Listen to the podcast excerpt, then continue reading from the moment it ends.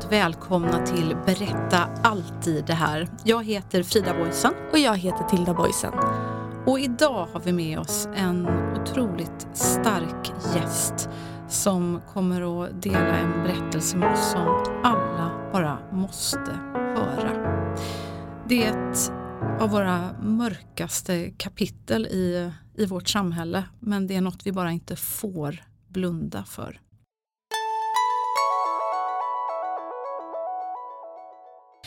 Brås statistik visar att 18 000 sexualbrott polisanmäls varje år.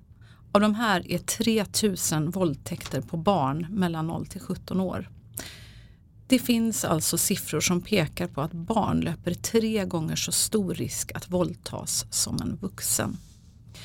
Och det är faktiskt så illa att närmare 250 sexuella övergrepp eller utnyttjanden sker på barn eller vuxna varje dag. Och hur många barn drabbas då? Ja, alldeles för många. 4 procent är utsatta i Sverige idag. Hur vanligt är det med incest? Två barn i varje klass är drabbade av incest. Och frågar man hur många barn som har överhuvudtaget drabbats av sexuella övergrepp så kan det handla om upp till fem i varje klass. Lena Morin Nilsén är en kvinna som har en otroligt stark berättelse att berätta för oss här idag. Hon är aktuell med sin bok som heter Aldrig kunde han döda mig. En sann berättelse om att överleva incest.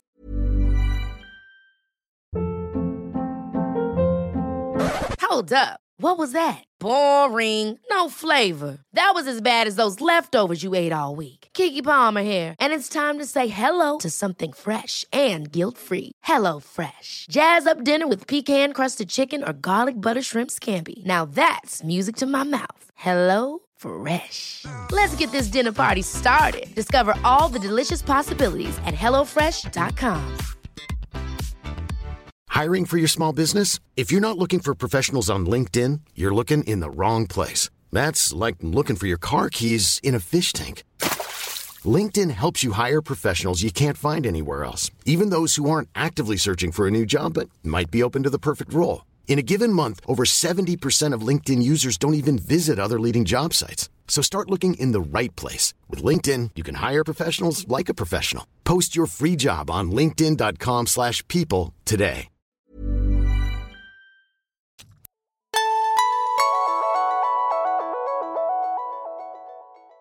Och vi är så glada att ha dig här idag. Varmt välkommen Lena. Tack. Lena, du och jag vi träffades för första gången för ja, ett par år sedan tror jag. Eh, Mm. Jag hade eh, skrivit en bok som eh, heter Du är inte längre min dotter.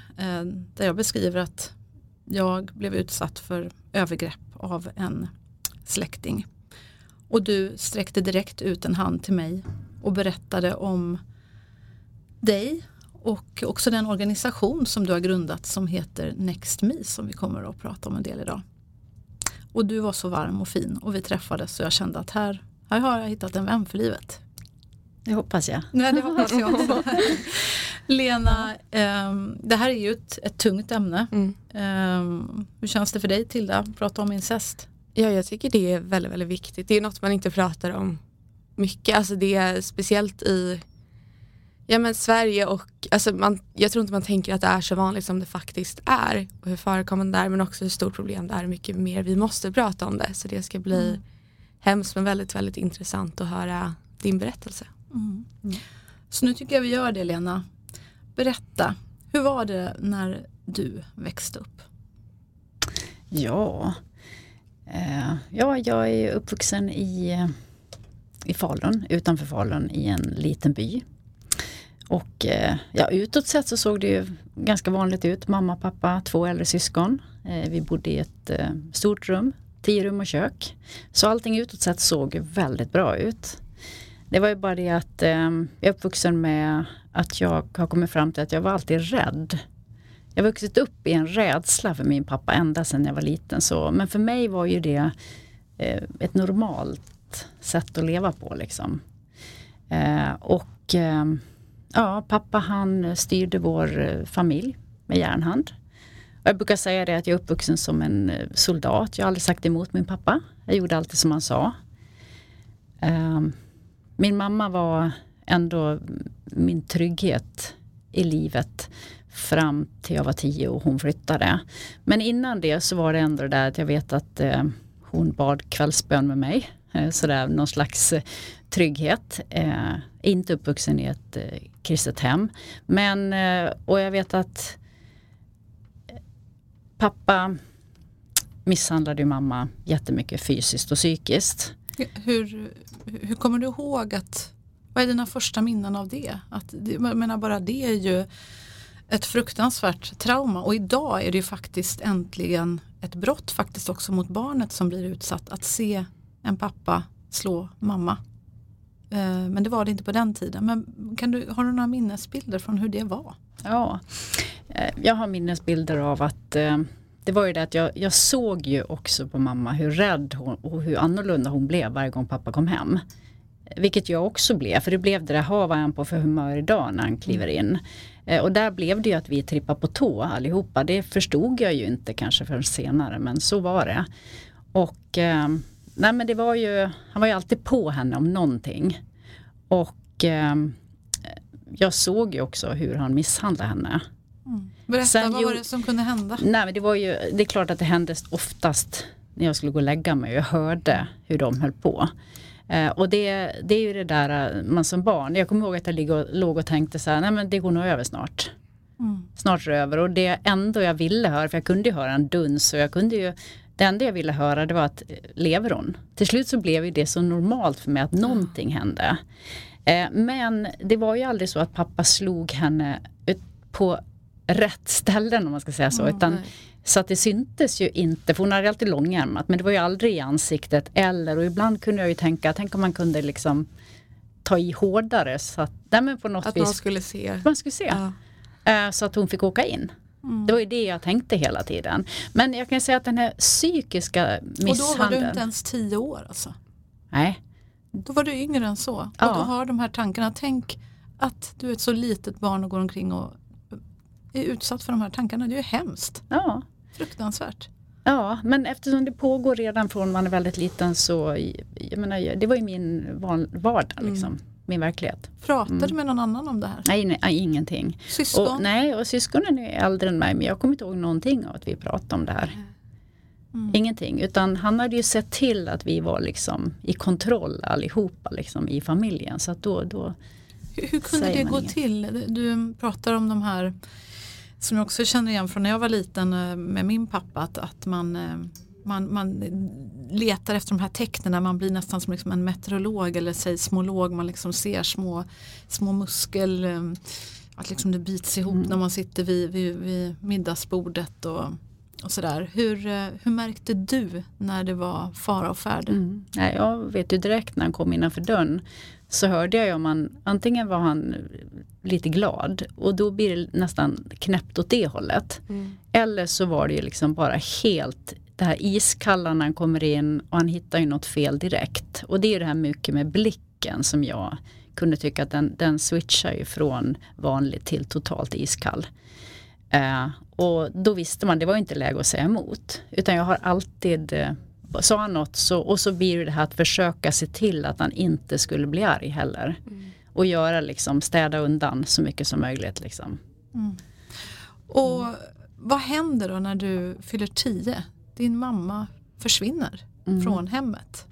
Ja, eh, några dagar innan jag fyllde, na, ja precis där när mamma skulle flytta så kom hon in till mig en kväll och så säger hon så här till mig, Lena, eh, jag tänker flytta, vill du flytta med mig?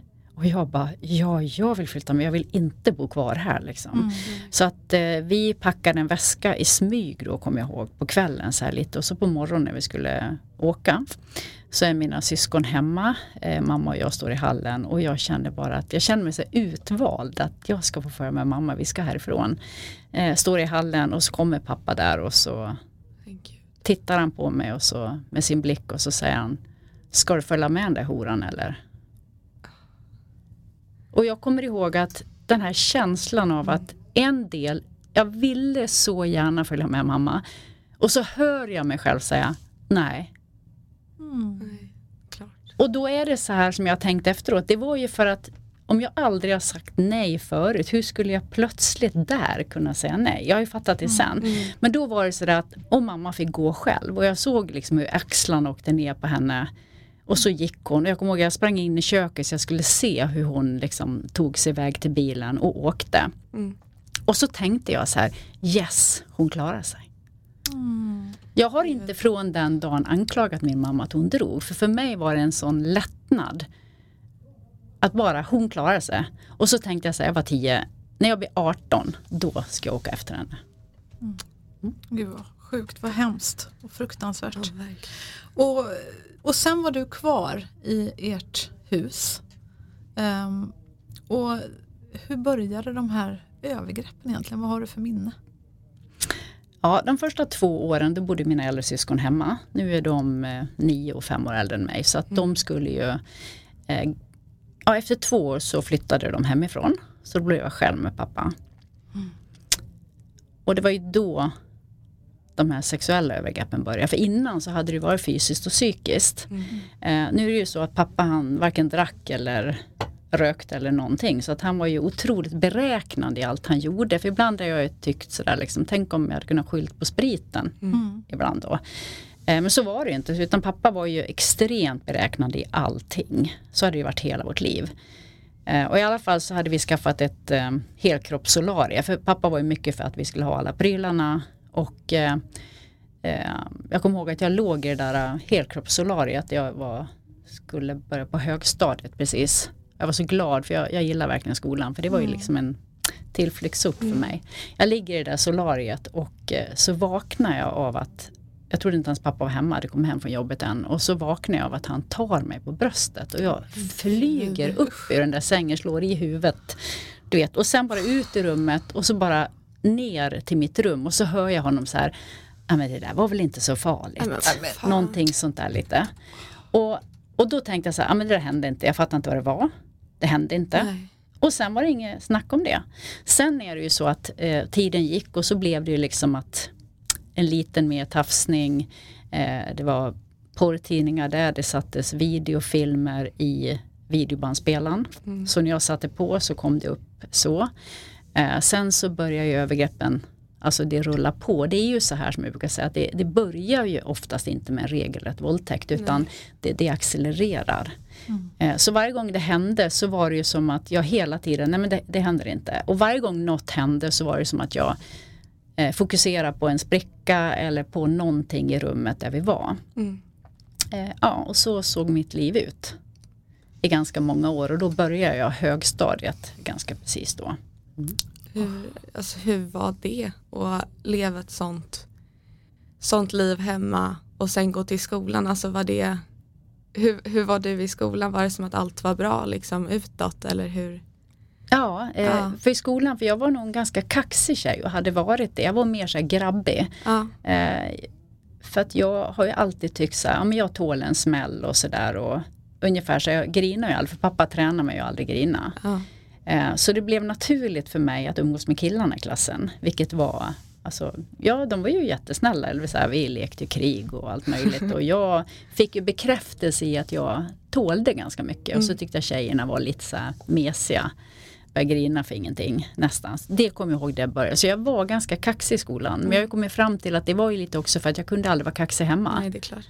Utan då blev jag det i klassen.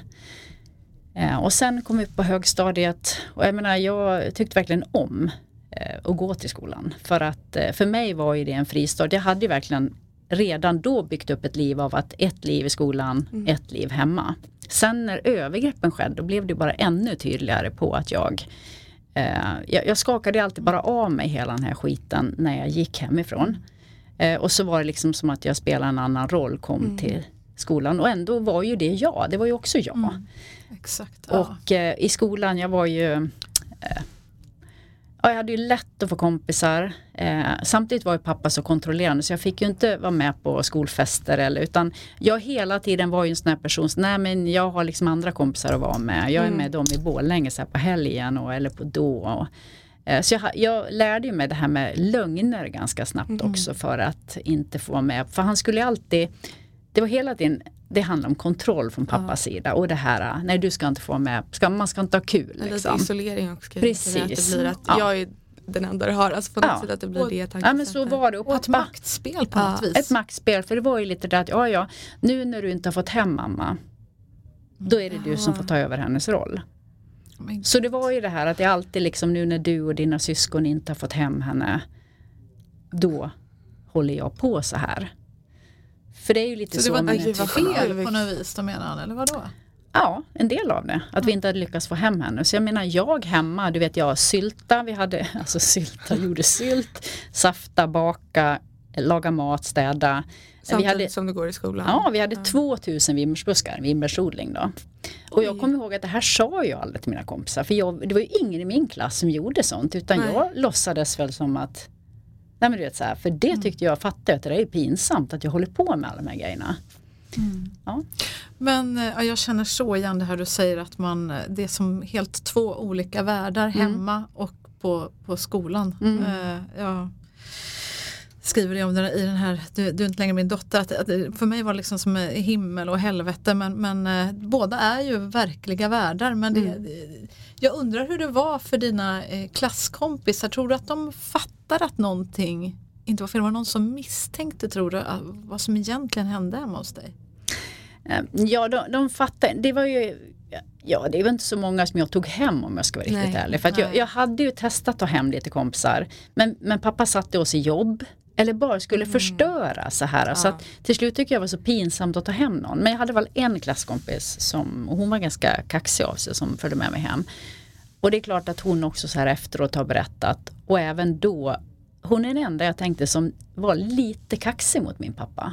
Och jag tror att han hade aldrig Vart med om någon, det. har varit med om Nej. det. Men sen var ju det så få tillfällen. Men så här efteråt så fattar jag och hon såg ju att min pappa inte var, det var ju sådär att han kunde när hon var hemma Eh, ja Lena, jag är hungrig, bre en macka. Så ska jag springa dit och, och bre en macka, ett hård macka då. Och sen får jag en utskällning för jag har brett på fel Mm. sida av brödet. Va? Eh, och för, när hon berättar för mig idag alltså, hur, hur otroligt konstigt det var för henne. Mm. Medan för mig var ju det naturligt. Jag fattade ju sen, det var jättepinsamt liksom, hur jag levde. Men jag försökte ju hela tiden så här, nej men gå in på rummet du. Eh, Medan så ska jag bara lösa det här pappa liksom. Men sa hon det till dig vid något tillfälle då liksom att vad fan, eller det här är inte normalt eller alltså sa hon något? Ja, lite grann. Men jag, Ja. det var ju som att jag täckte upp hela, nej men det är inte så Ja. farligt liksom. Jag, så Men här- kändes det skönt på något sätt alltså, i dig att få höra det av någon annan? Eller var det mer att du inte ville att det skulle vara sant? Så Nej, bara, nej, nej jättebra, ja, då liksom. var det så pass för att eh, jag tänkte vad, vad ska hon, hur ska hon hjälpa mig Ja. för att hon inte var en vuxen. Nej. Eh, mm. Hur, hur var det med ditt, eh, ditt psykiska mående under den här tiden i högstadiet när du levde ett dubbelliv kan man säga? Alltså skolan kanske förträngde det, det här som hände, men då kanske du bara var i skolan, Mm. eller? Ja, jag hade en enorm förmåga att stänga av. Ja. För att jag, vad jag kommer ihåg så var jag liksom i skolan som att eh, det inte hände Nej. där hemma. För jag hade ju lärt mig, eftersom ingen pratade om, om incest. Ja. Utan vi pratade om non-smoking generation på den tiden, för alla rökte på den Mm. tiden. Eh, Så det kunde vi massor om. Eh, Och om rör inte min kompis, antimobbing fanns även då. Och sen var det här fula gubbar på stan. Mm. De skulle man vara rädd för. Men när ingen nämnde att det kan hända hemma.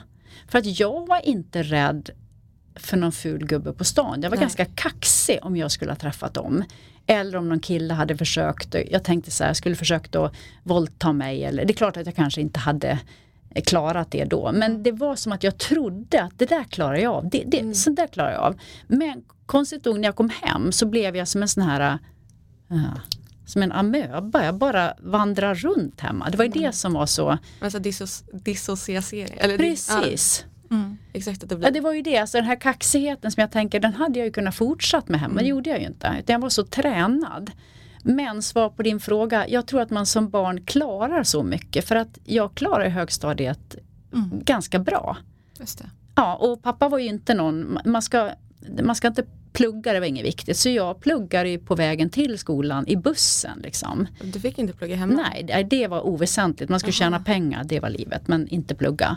Eh, Så jag fick ju hela tiden liksom eh, försöka hitta något tillfälle om jag skulle hinna då mellan vi jobbar hemma. För jag har ju alltid jobbat hemma eller gjort saker. Eh, men jag hade ju någonstans en vision om att jag skulle bli frisör. Det var ju min så, här, så jag måste ju ändå ha hyfsade betyg. Eh, och eh, nej, jag, jag gillade ju Jag gillar ju till och med maten i skolan, fast det sa jag ju inte till mina kompisar. Men för hemma, vad, vad åt vi för mat hemma liksom? Eh, lite sådär, när man inte har någon mamma. Det är inte så mycket ordning med det. Men eh, om vi ska prata om det här värsta.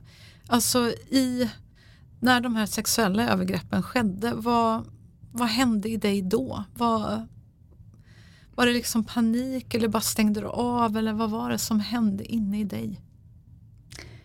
Jag tror att paniken var ju mer lite i början. Mm.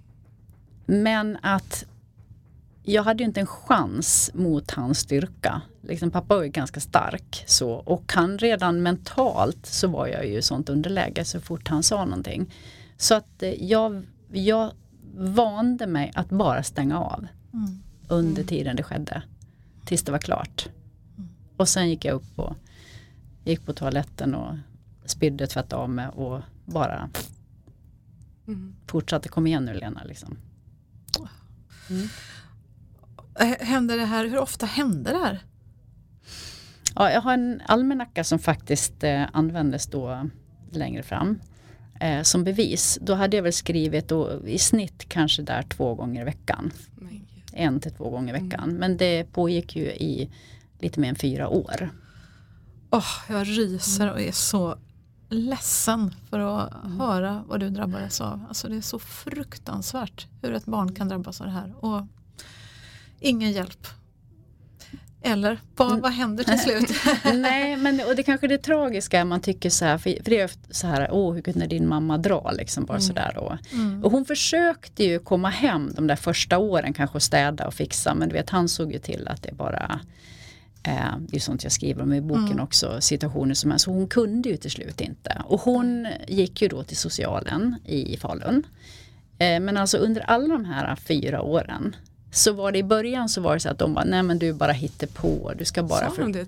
Ja, till henne ja. Och, och vad, var det din, vad var det som fick din mamma att anmäla oro till socialen Ja, det för var ditt ju för välmående? Ja, för då sa hon så här, jag har min yngsta dotter hemma, jag är orolig för henne för fysiskt och psykiskt våld. För att min man har, har misshandlat mig i många år.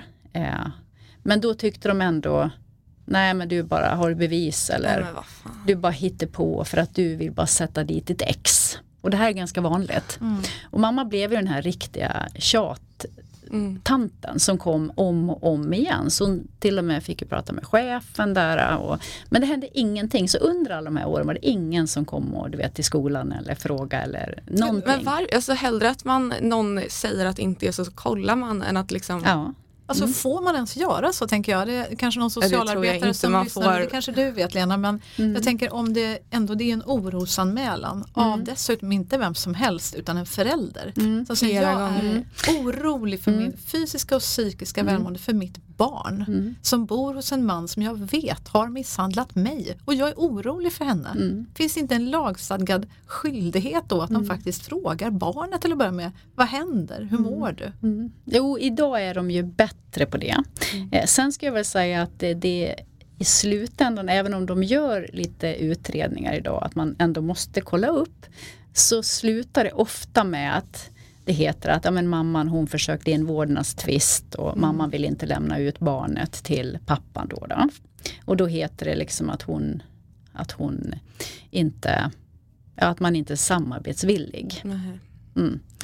Och därav så går det ofta inte till Och sen barnets man, väg. Och sen ska man komma ihåg att det är ju inte lätt heller för ett barn. Jag vet, jag fick ju frågan eh, vid något tillfälle. Jag tror att det måste varit någon som har orosanmält eh, mot mitt hem också när jag var liten. För det kom ju hem någon kurator från kommunen någon gång när jag hade varit borta från skolan i en månad ungefär. Och jag var sjuk fysiskt. Jag hade vad det nu var, vattkoppor och massa olika grejer på varandra. Eh, och då kommer jag ihåg att hon frågade mig. Eh, Känner du dig trygg hemma? Är det någon som slår dig? Mm. Och jag bara svarar ju nej direkt. Liksom bara som en superinstinkt. Mm. Och eh, det tror jag att många barn gör. För att Eh, precis som det var som du beskrivit här Lena, Mm. att du var ju i din pappas makt. Och det är så lätt att tro när man är barn, i alla fall var det så för mig, att men det här är det enda som finns. Det här är, liksom, det, här är det jag har. Mm. Vad händer om de tar min pappa Ja, nu och han åker i fängelse och jaha, vad händer då med min familj och herregud det är han som drar in alla pengar Ja, och ska ja. vi få mat på bordet och liksom Som att det skulle vara ens eget fel på något sätt. Ja, Mm, men liksom ja, att hur mycket eh, en, en förälder än Mm. Misshandlar en. Eh, nu var inte jag med om sexuella övergrepp av min eh, pappa men, men eh, fysiska och psykiska och det, det fanns inte på, på kartan att jag skulle liksom tyckte jag då skvallra vilket Nej, är helt sjukt Mm. tänkt alltså Mm. att jag fattar det nu. Men det- det är svårt speciellt när man är ung också. Alltså det är, man, alltså idén är att man älskar sina föräldrar oavsett hur de älskar en. Alltså det, är- det, är ett- alltså, ja, man vill väl inte svika dem man tror älskar. Alltså det är inte kärlek och Nej. slåss eller psykiskt eller fysiskt misshandla någon, men man är Ja, man är lite godtrogen och man vill att allt ska vara bra Ja. som barn. Och Lena, hur, kommer du ihåg hur du tänkte? Fanns det någonstans i ditt huvud, för du, även om man inte pratade om det här i skolan och liksom inte fanns någonstans, du hittade ingenting om incest egentligen. Men du, du måste ju ändå någonstans förstått att det här är ju fel, eller? Mm. Jo, jo, det förstod jag. Ja. Och jag förstod ju att det var fel eh, hur min pappa var. För att när jag väl fick komma hem till kompisars hem Mm. och, och jag bara förstod att deras pappor var ju inte så här äh, arga. Och de var, du, vet, jag, du vet, jag var nervös varje gång deras pappa kom hem, vem jag än var hos. Och vad ska han bli arg på? Så blev de inte det. Nej. Så jag bara, det var ju då jag fattade, oj då, så här har inte andra det. Det var ju så uppenbart hur hemskt det var hemma. Eh, men i alla fall, eh, Ja. lite det du säger nu, att när jag gick i sexan, när de sexuella övergreppen Mm. inte hade börjat än, då hade jag en lärare. Han tog mig åt sidan och frågade, hur har du det hemma egentligen Lena? Men då tyckte jag ändå, lite som du det här, att ja, men jag klarar det här fysiska och psykiska Mm. smällarna. Nej men det är okej, kommer jag ihåg att jag sa till honom. Men jag var så tacksam Mm. att han hade ställt frågan. Ja. Och så kom jag ihåg att i högstadiet så tänkte jag, tänk om den läraren hade frågat igen. hade frågat igen. För jag kommer ihåg någonstans att jag bara ville att någon skulle fråga. Eh, Men eh, ja, spännande att du säger det och vi ska förstås komma till det att du ska få tipsa. Vad gör man om man är en människa som står bredvid och ser sånt här? Eller misstänker bara vad kan man göra? Och jag, som du, jag har också varit med om att en vuxen människa var i vårt hem där Indonesien var lite äldre och då, då hörde man verkligen väldigt tydligt att det var slagsmål fullt ut mellan min pappa och hans fru. Eller han slog ju henne helt enkelt. Och, och det var så tunna väggar och då kommer jag ihåg att vi hade en gäst hemma, en arbetskompis till pappa och han, jag kommer ihåg att han kom in till mitt rum på morgonen och bara sa liksom men hur mår du? du? Varför bor du? Alltså du måste flytta härifrån. Du kan inte Mm. vara här. Det här är inget plats för en barn, ett barn. Du Nej. kan du inte bara flytta, flytta hem till din mamma. Du, hur är det liksom? Och han, han bodde liksom på andra sidan jordklotet. Man kommer ihåg att han gav Mm. sitt visitkort och, och jag sa nej men det är lugnt, ingen fara. Liksom. Han bara, men Frida, liksom, bo inte här. Gör Nej. inte det. Och liksom det var så fint att man liksom, just där som du säger, att man liksom får en vuxen människa som bekräftar en och Mm. ser en. Och det, det kan vara otroligt värdefullt. Jag måste bara fråga, i den eh, här perioden, är det, alltså, har du kontakt med din mamma under allt det här? på den tiden då Ja. tänker du. Alltså Nej, eller? Det var ju det att jag ville ju gärna att den var hos min mamma även om inte, de hade ju delad vårdnad som det Ja. hette då va. Men du vet att det funkar ju bara på papper men det funkar inte med Nej. psykopater eller med den typen av personligheter. Eh, så den funkar ju inte. Men så jag kommer ihåg att jag försökte umgås med mamma, få träff, men blev att jag fick göra det i smyg. Och pappa han kunde ju vara sådär att, jag kommer ihåg att jag var sjuk en gång, det här var, eh, ja, jag kan inte ha varit mer än 13. Eh, och så kommer jag ihåg att, jag, ja du kanske vill åka till din mamma idag? Och jag bara, eh, ja, jaha ja, ska du åka till den där horan? Aha. Så hela tiden blev det ju liksom det här Mind games. mindgamet. Eh, och sen försökte jag ju då eftersom mamma bodde i stan i Falun och jag hade skolan i Falun inne. Eh, så jag försökte ju att träffa henne någon gång. Så där. Men du vet det blev så jobbigt för att pappa visste direkt att jag hade träffat henne. Och så fick jag en utskällning. Så till slut blev det att jag bara, det här går inte. Nej. Eh, och eftersom ingen annan, du vet vuxen hade kommit och frågat vad vill du Lena? Du vet, så här, det fanns ju inte. Så det var ju mitt sätt snarare att backa liksom för Mm. att det var för mycket, jag orkar inte. Nej. Utan jag hade sånt fokus på att bara klara av livet hemma med att få det att gå runt. Och så skolan. Så att det var någonstans som att jag tänkte så här, mamma det får bli sen. Då, Ja. då ska jag till henne liksom. När jag blir 18. Var det ett driv eller för dig? Alltså att Ja, det, ja. Det var ett och driv. tänker att allt, som du beskriver att du kan kolla på en spricka och liksom försöka Ja. försvinna därifrån. Ja, för, för mitt driv ändå att, Ja. att överleva de här åren, det var att jag, jag ville ju inte dö. Nej. Jag- Det var självmordstankar, det var tillfällen när jag faktiskt tänkte att, att jag kanske får ta död på pappa själv. Mm. Jag, det gick så långt så jag tänkte att det är ingen som hjälper. Hur, Nej. För jag blev så trött där när jag var eh, 14-15 år. Eh, eller nästan 16, ett år innan eh, jag fick hjälp då. Då, då kände jag att jag orkar inte. För jag kände ju kroppen bara var helt slut. Så jag Ja. tänkte så här, övervägde, ska jag ta livet av han själv? Men så hann jag ju ändå tänka att ja, men då får jag ju sitta inne. Mm. Det, det blir ju inget bra liv. Så då var det så att jag, jag, jag tänker efter, så där satt jag och resonerade med mig själv lite så här. Hur ska jag göra? Eh, och, eh, då, men jag har ju ändå haft en enormt, enorm vilja av att bli som alla andra. Mm. Och bara få leva. Du vet åka och hälsa på någon när man vill, gå och fika när man vill. Bara det här helt vanliga. Mm. Så det var som att det bara drev mig att hålla ut. Mm. Jag kommer ihåg, jag bara Gud finns du så hjälp mig. För att det var bara så här, jag vill bara så småningom. Så att jag tror att man klarar också otroligt mycket Mm. eh, som barn.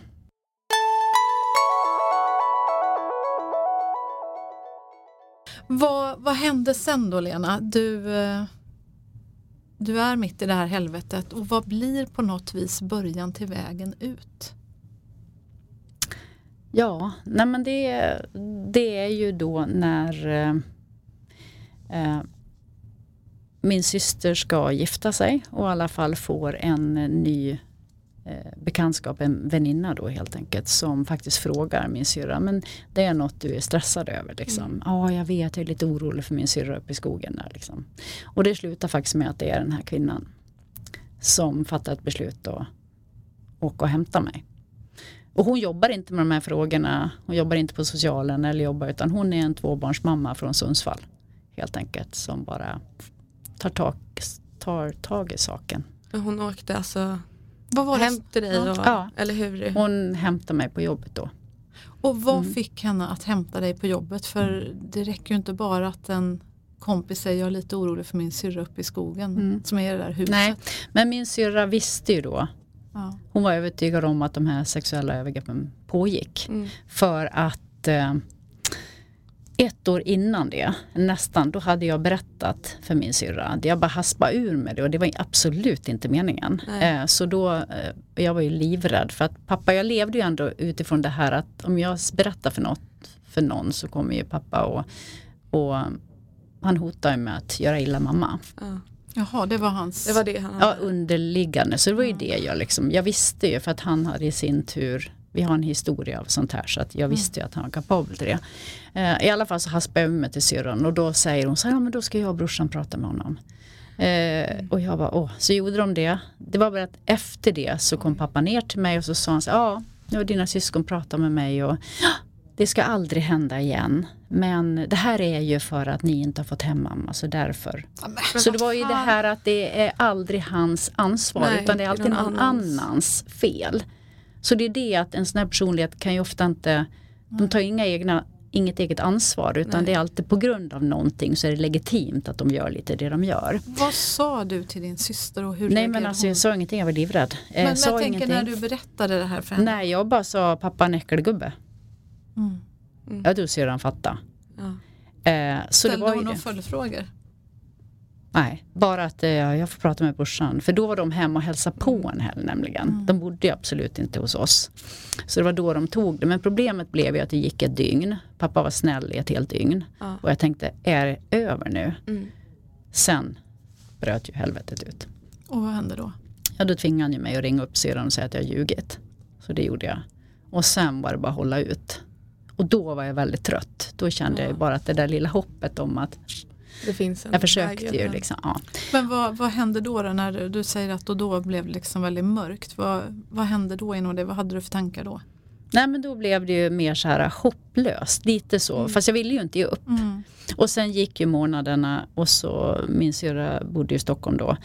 Eh, Men det där ligger väl någonstans i bakhuvudet på henne såklart. Eh, men hon lever ju i sin värld eh, där då.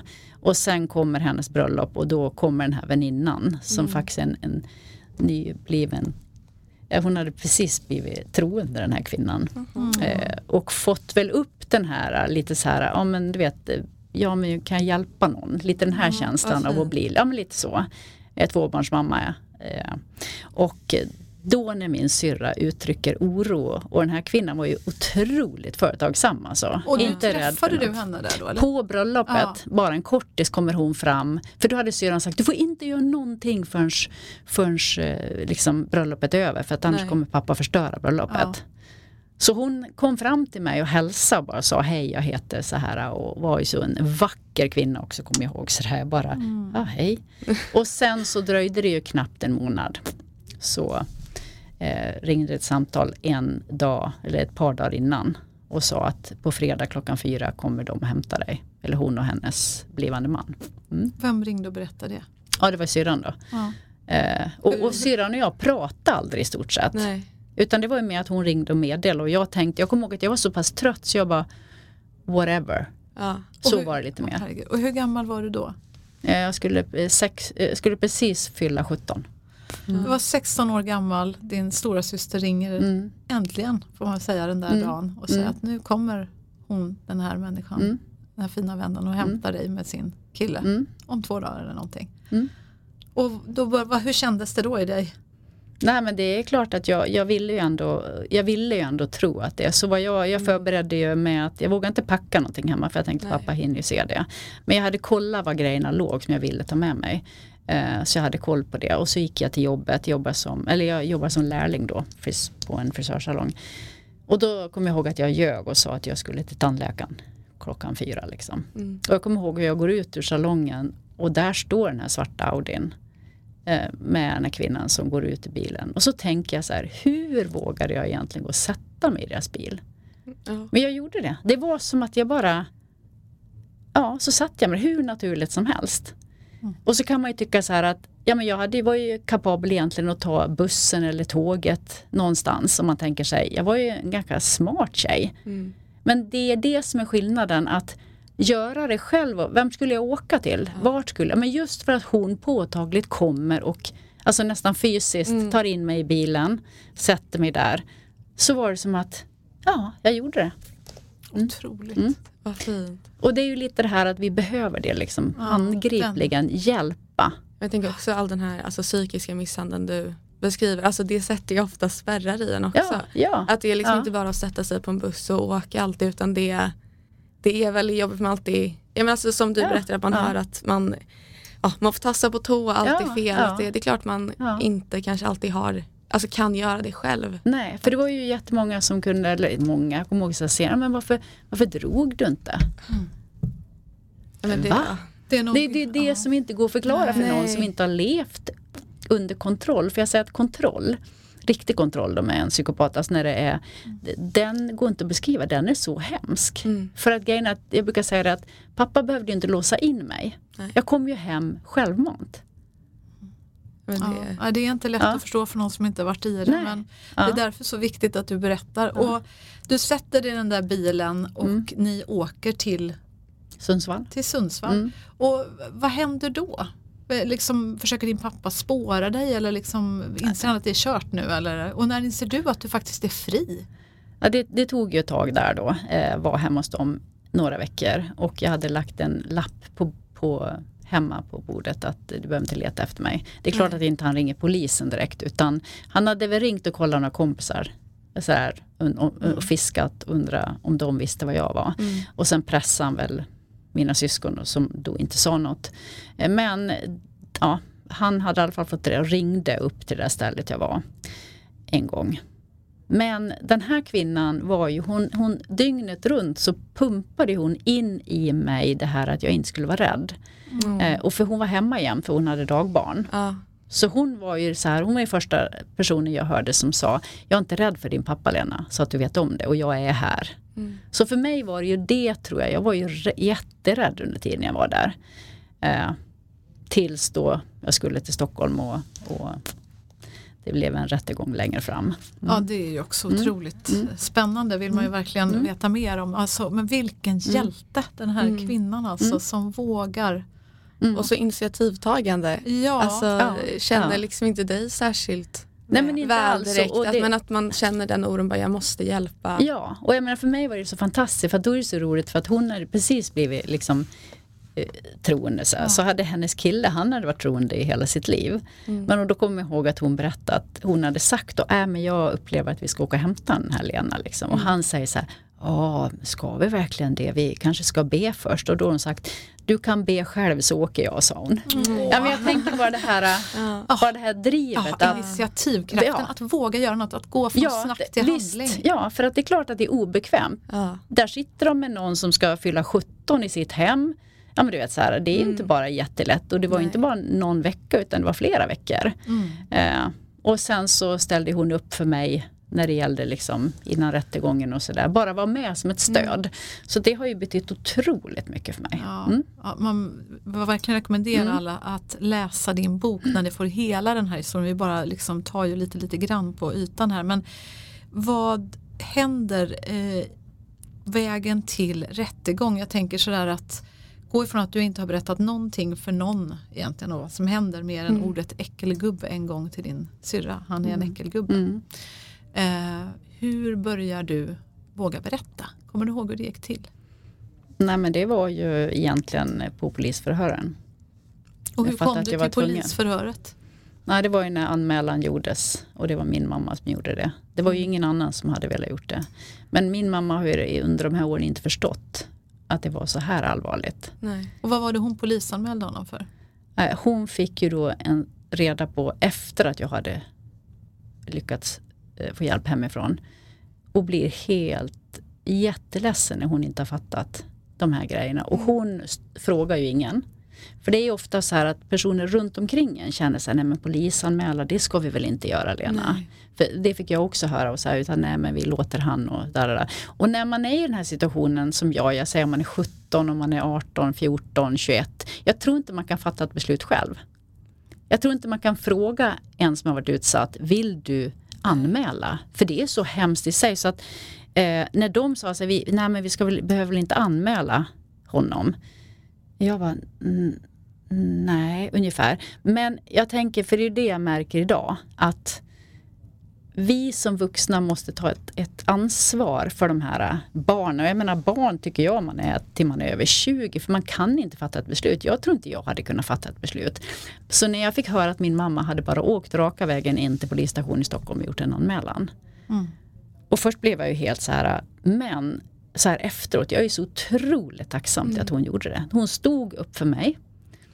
Eh, och jag säger att jag skulle fortfarande vilja gjort en polisanmälan även om inte det hade blivit den här utgången det blev. För att just det blir någon form av upprättelse i att någon tror en. Jag fick ju en advokat i alla fall som trodde mig. Eh, och de här poliserna, ja de vill ju tro. Det var lite annorlunda då mot vad det är nu.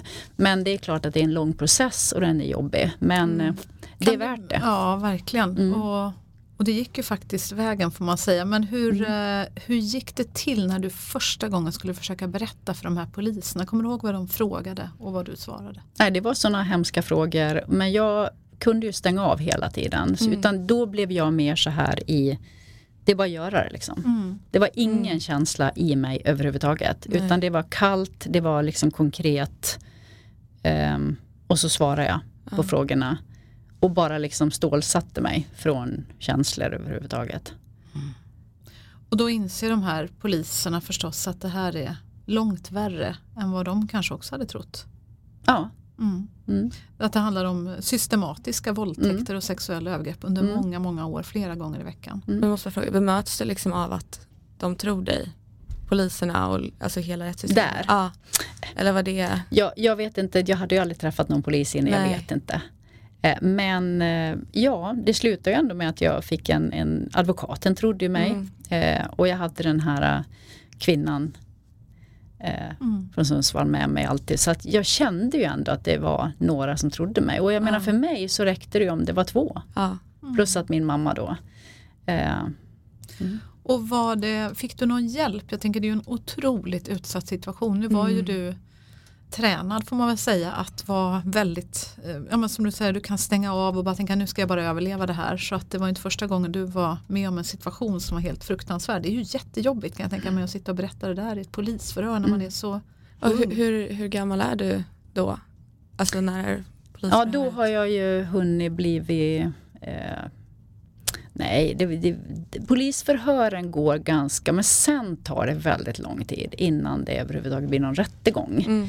Eh, så polisförhören, det var ju redan efter eh, en månad. Okej. Mm. Men det är därifrån sen som det kan ta väldigt lång Mm. tid, själva är det. rättegången. Och den är ju jobbig. Och det måste man också berätta för de här personerna Mm. man tar med sig på en rättegång Mm. så att de vet om att det här blir en lång process. Mm. Mm. Och, och sen så blir det rättegång till slut. Mm. Och vad händer då? Ja, det var ju också som en film i sig. Eh, och komma dit och jag kommer ihåg att den här eh, min advokat hon sa att Lena nu måste du memorera, måste komma ihåg allt. För om inte du kommer ihåg allt så kommer hans försvarsadvokat att bara mangla oss. Kommer inte ha en chans. Och jag kände jag vill inte komma ihåg, jag orkar inte. Så jag kommer ihåg att jag bara, Gud hjälp mig, orkar Mm. inte. Och någonstans så hade jag sett en vers, när ni dras inför rätta så ska jag tala genom er. Så jag bara tog den så här och så gick jag och la mig och sov. Och så dagen efter när vi var på rättegång, det var ju lyckta dörrar då när man får, jag var i ett annat rum och pappa och man slussas fram och tillbaks. I alla fall när det var min tur, alltså jag var så rädd va, Ja. när jag går in där. Och så är det på något vis som att jag bara hör mig själv när jag står där och ska. Och jag bara pratar. Mm. Och sen när jag satt mig ner så tittade min advokat så sa hon så här. Jaha Lena, det känns nog som att din gud var med dig ändå. Sa hon lite kallt så här. Ja. Nej för jag vet, jag vet inte. Men jag måste ju ha lyckats sagt någonting. Men sen, jag var lika rädd efteråt. Mm. Eh, och sen slussades man ju därifrån. Och sen, vi hade ju ingen aning liksom. Mm. Och så du slapp träffa honom i rättssalen? Ja, där. fast det var ju någon sån här konstig lunch däremellan man skulle iväg och Mhm. sådär. Och då hade eh, hans advokat råkat, så att han står där plötsligt när vi kommer från lunchen. Eh, och bara det att då advokaten, min advokat och hon såg till att vi kom in i en dörr. Mm. Alltså. Så, så jag, han, jag blev bara chockad när jag såg honom sådär då. Men ja, Och sen får han sin dom. Mm. Och vad blir han dömd till? tre år.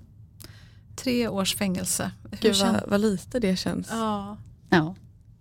Men du vet att i det här landet så har vi ganska låga Ja jag vet, jag bara tycker Ja. att det är så sjukt. Jo men det är ju som Ja. när jag har bott i USA och jag har kompisar där som jobbar med sådana här frågor. I alla fall en. Och, och hon skrattar ju bara åt våra sätt här då. Men ja. Ja, det är ju ändå för att liksom aktivt, jag tänker att det är ju ett under att du faktiskt orkar igenom allt det här. Alltså, Mm. Nu, nu är det här en podd men jag kan berätta för alla er som inte ser eh, Lena framför er nu att alltså, det är ju liksom ingen som kan tro det här när man ser dig för du är sån strålande, varm och levnadsglad, vacker kvinna liksom som det är ju liksom ingen som kan ana att det här finns innanför dig. Men, men, eh, och jag tänker att han utsatte dig för de här sakerna precis som du säger till att Mm. tre år, vad är det? Ja, alltså för att tänker, försöka alltså, förstöra ett barns liv liksom. Det, är, det Ja. är helt sjukt. Men eh, det är ju inte om, och sen efter det här ska vi säga så är du faktiskt också grundare till en organisation som gör så mycket gott för andra som är drabbade av incest. Next Me. Mm. Vill du berätta, Mm. vad hände där? Ja, nej men det är helt fantastiskt. I alla fall så hur det kommer sig är ju att jag fick ju själv ingen direkt hjälp även om pappa blev dömd. För på den tiden så, och det var mer så här, så jag gjorde ju det jag kunde, jag jobbade. Jag kunde eh, liksom det här, den som inte jobbar ska inte äta, hade jag med mig hemifrån.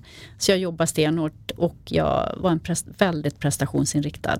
Så det var väl så jag har överlevt eh, många år. Det är bara det att eh, till slut då när jag hade sprungit jättemycket eh, för det var det jag gjorde då för att kanske liksom, jag menar springa maraton och sånt är perfekt för att liksom kunna eh, hantera sin ångest. Det är ju en ångestdämpare i sig. Eh, men jag levde ju som duktig flicka. För jag tänker så här, jag, jag, går, jag gick ju inte på droger i alla fall. Så jag tyckte ju att jag var ganska duktig ändå. Då. Du vet så här, och jag hamnade inte på gatan.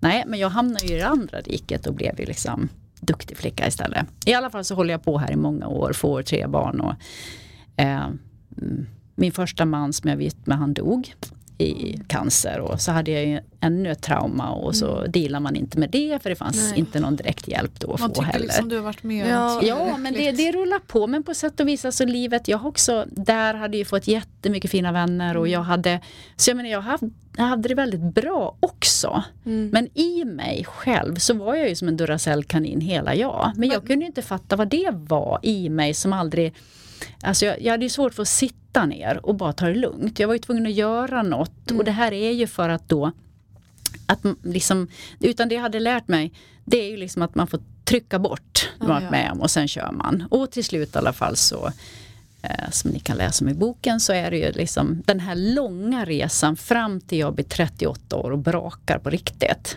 Mm. Och då har jag gått i väggen redan en gång innan när jag var 26 men den kan vi ta där.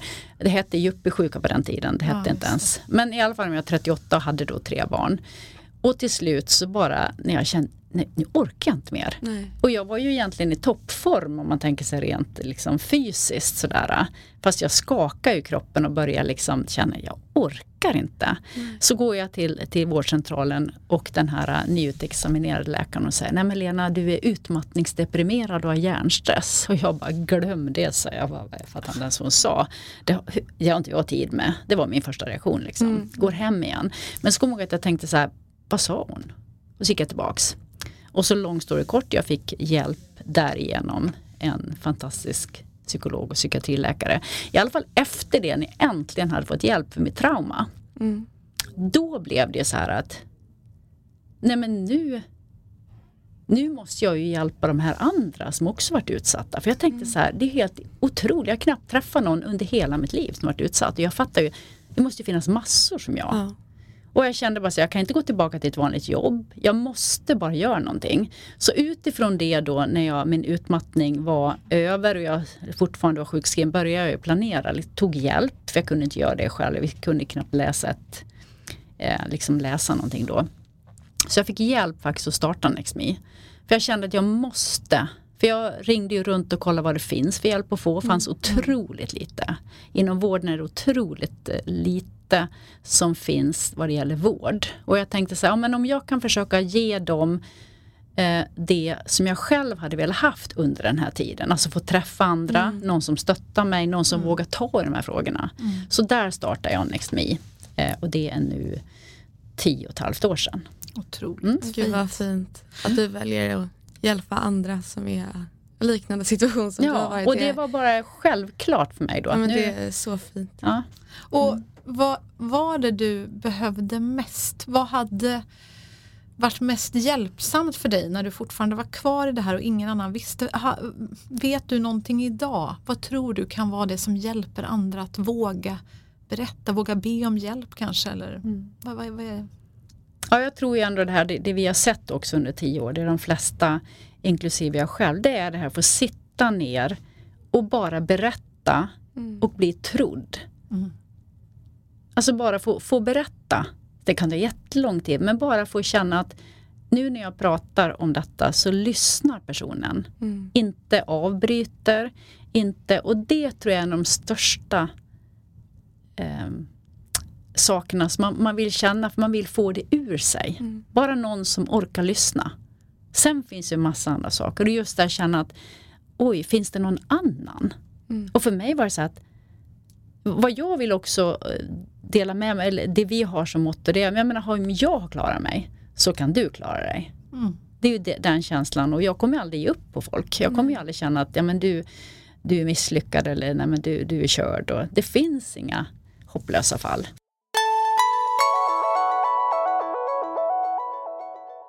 Vad, vad händer då om man hör av sig till NextMe? Om man är en person som är utsatt för incest idag?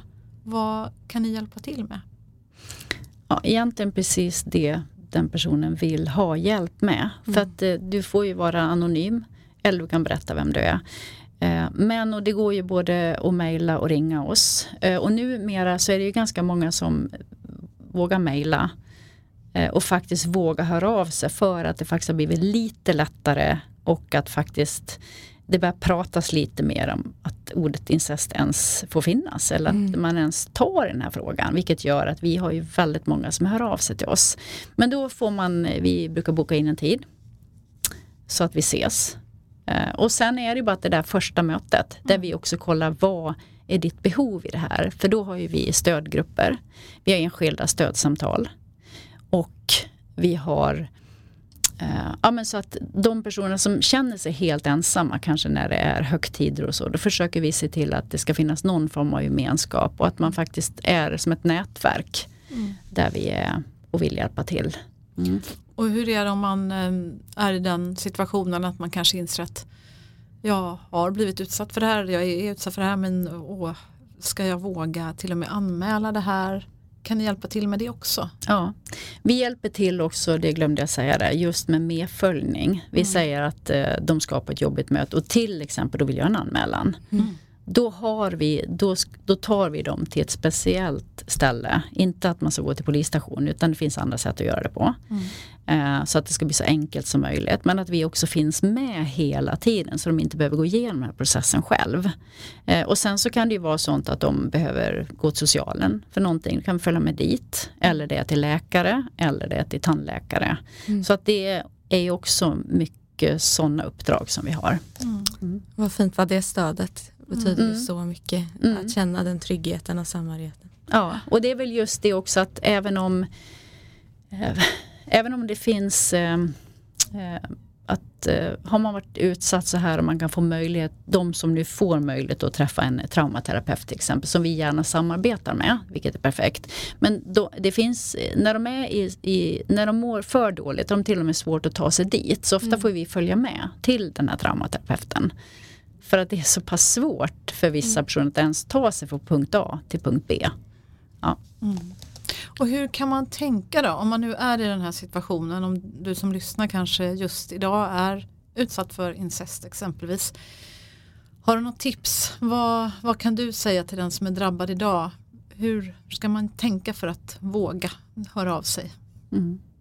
Ja, men jag tänker att även om, om det finns personer här nu som lever under hot till exempel eller liksom där en förövare till exempel hotar med antingen med att eh, döda djuret om du har det eller om det är en förälder eller om det nu är något. För det är precis det de... Och jag, jag skulle ändå vilja att du vågar höra av dig. Mm. För du är fortfarande anonym. Så kan vi på något vis att du känner att inte du ska behöva bära det här själv. Utan det är att eh, höra av dig. Mm. Är det så de gör till och med? Att de hotar barn att då, tar vi, li- då, då dödar jag din katt Ja. typ, eller hund? Ja, Mm. för du vet att man kan hålla, man kan hålla ett barn i schakt med väldigt... Fan. Mm. Mm. Men det här med kont- kontroll igen. Kontroll liksom, igen. att man, då tar Ja. jag det, du Ja. älskar din trygghet. Liksom. ja, men jag känner så här att försöka tänka att nej men, men eh, det finns någon som är starkare än din förövare. Mm. För jag gick så många år och trodde pappa var starkast i världen. Det är inte klokt när jag tänker efter.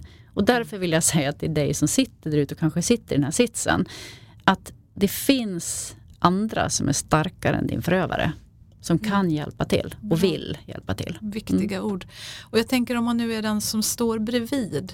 Man kanske är en eh, lärare som har en, liksom, här, som din lärare hade där i början. När det Mm. inte var sexuella övergrepp men fysiska och psykiska övergrepp. Som vågar i alla fall fråga. När en lärare som känner på sig att det är någonting som inte stämmer här med den här eleven. Jag ser att hon eller han eller henne inte mår bra. Eller det är en vän till familjen kanske som råkar se något som inte känns rätt. Vad gör man då? Ja, jag tycker fortfarande det viktigaste är att ju, ju mer rakt på sak man är, desto bättre är det att ställa frågor. Mm. Ge ett exempel, hur ställer man de här raka frågorna? Man ställer en, inte inför andra såklart, men försöker få det här, den här personen, om det är barn eller om det är vuxen. Och, och bara fråga, hur mår du egentligen? Mm. Och då, men då, säger, om, jag- om jag låtsas här, då, då skulle jag nog förmodligen säga, jo det är okej, det är Ja, bra. och så skulle jag ändå, nej men jag ser att det är någonting och hur har du det hemma?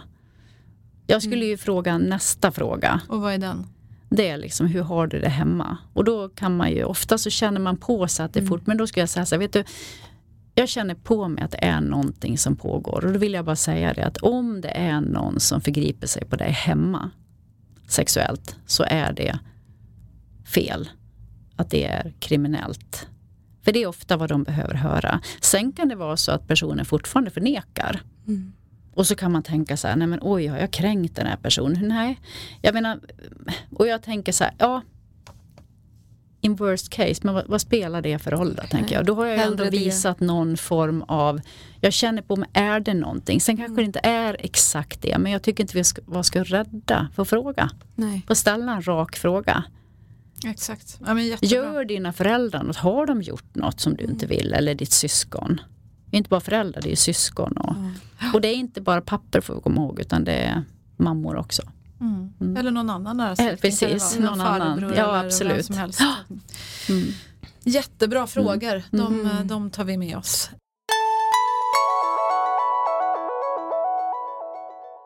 Lena, vad skulle du önska mer av samhället? Nu har vi pratat om vad man själv kan göra om man är utsatt eller om man är en person som står nära det här barnet som man misstänker blir utsatt.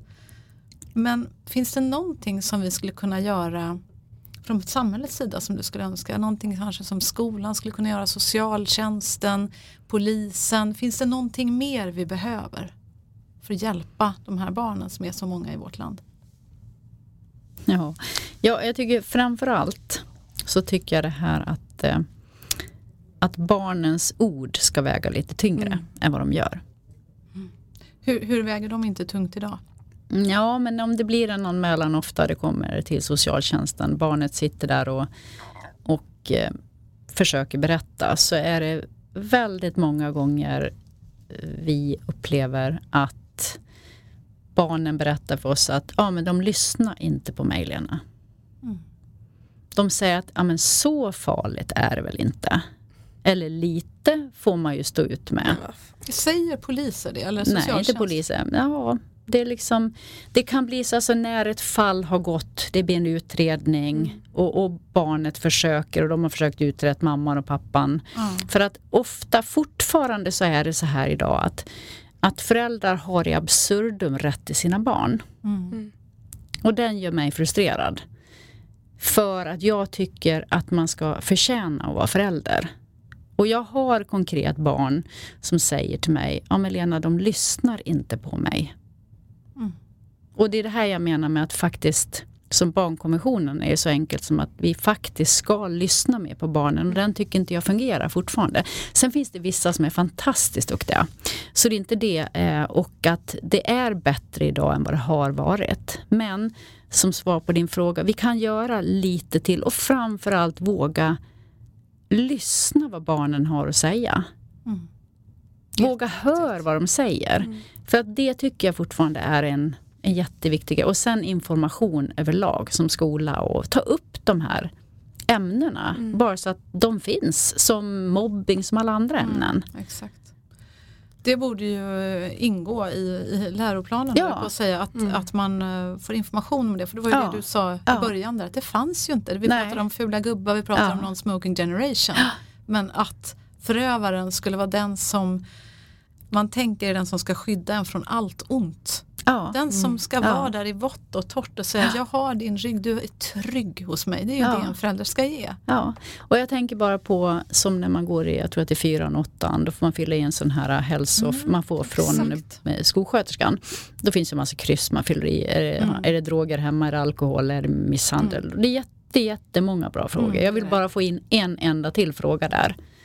Är du utsatt för sexuella övergrepp hemma? Mm. Jätteviktigt. Bra medskick. Den skickar vi med till elevhälsan. Eh, för den, den behöver ju in där. Och sen får vi se om Ja. barnen vågar fylla i den. Men några vågar säkert. menar att det bara finns som ett alternativ. Ja, att det, det blir mer, alltså så här, Mm. det blir inte lika farligt på något Nej. sätt. Att någon, även om det är en blankett eller någon Mm. som frågar så Mm. är att man liksom sätter ord på det. Mm. Ett inte, sätt till att berätta. ja men exakt, det är inte som ett monster som inte ens någon vågar prata om utan det är någonting som i alla fall finns. Alltså det, det står på pappret, du kan kryssa i. Det Precis. kan betyda Mm. mycket Man helst. att det finns ja. Mm. Vad tänker du Lena? Nej men det är exakt, du satte ord på det. För det är det här att även då man, då brukar jag få, få följdfrågan, ja men skulle du ha vågat kryssa i då? Ja. Nej men jag vet inte, men bara av att frågan fanns och Mm. jag faktiskt såg att någon, vänta nu, är det någon som kan något om det? Förstår? Att man, Mm. det är det.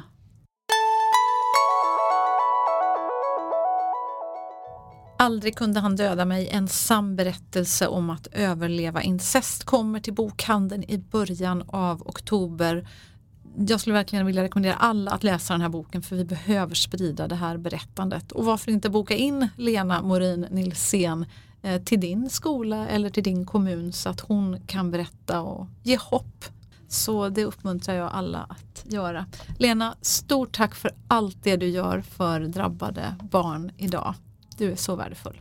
Ja men tack snälla och ni gör en fantastisk podd. Tack för att jag fick komma. Ja. Tack för att du berättade. Mm. Och du som lyssnar, tack för att du lyssnar. Dela gärna vidare det här otroligt viktiga avsnittet mm. för eh, det är genom berättande som vi krossar eh, stigman, tabun mm. som ofta råder kring just ämnet incest. Mm. Och är orolig för någon, var inte rädd för att nå ut och fråga. Det och kan betyda mycket. Om man vill höra av sig så finns ju BRIS, så kontakta BRIS, Barnens rätt i samhället. Och vill man höra av sig till NextMe, vart tar man av sig då Lena? Så kan man höra av sig till help.nextme.se. Och där finns det hjälp att få. Ja, och så vill jag bara skicka med att det är så här att det är en tung, det är ett tungt ämne, men här vill jag inge hopp om att det faktiskt finns hjälp att få, bara man får det på rätt ställe. Mm, så är det. Mm. Ta hand om dig där ute. Tack för att du har lyssnat.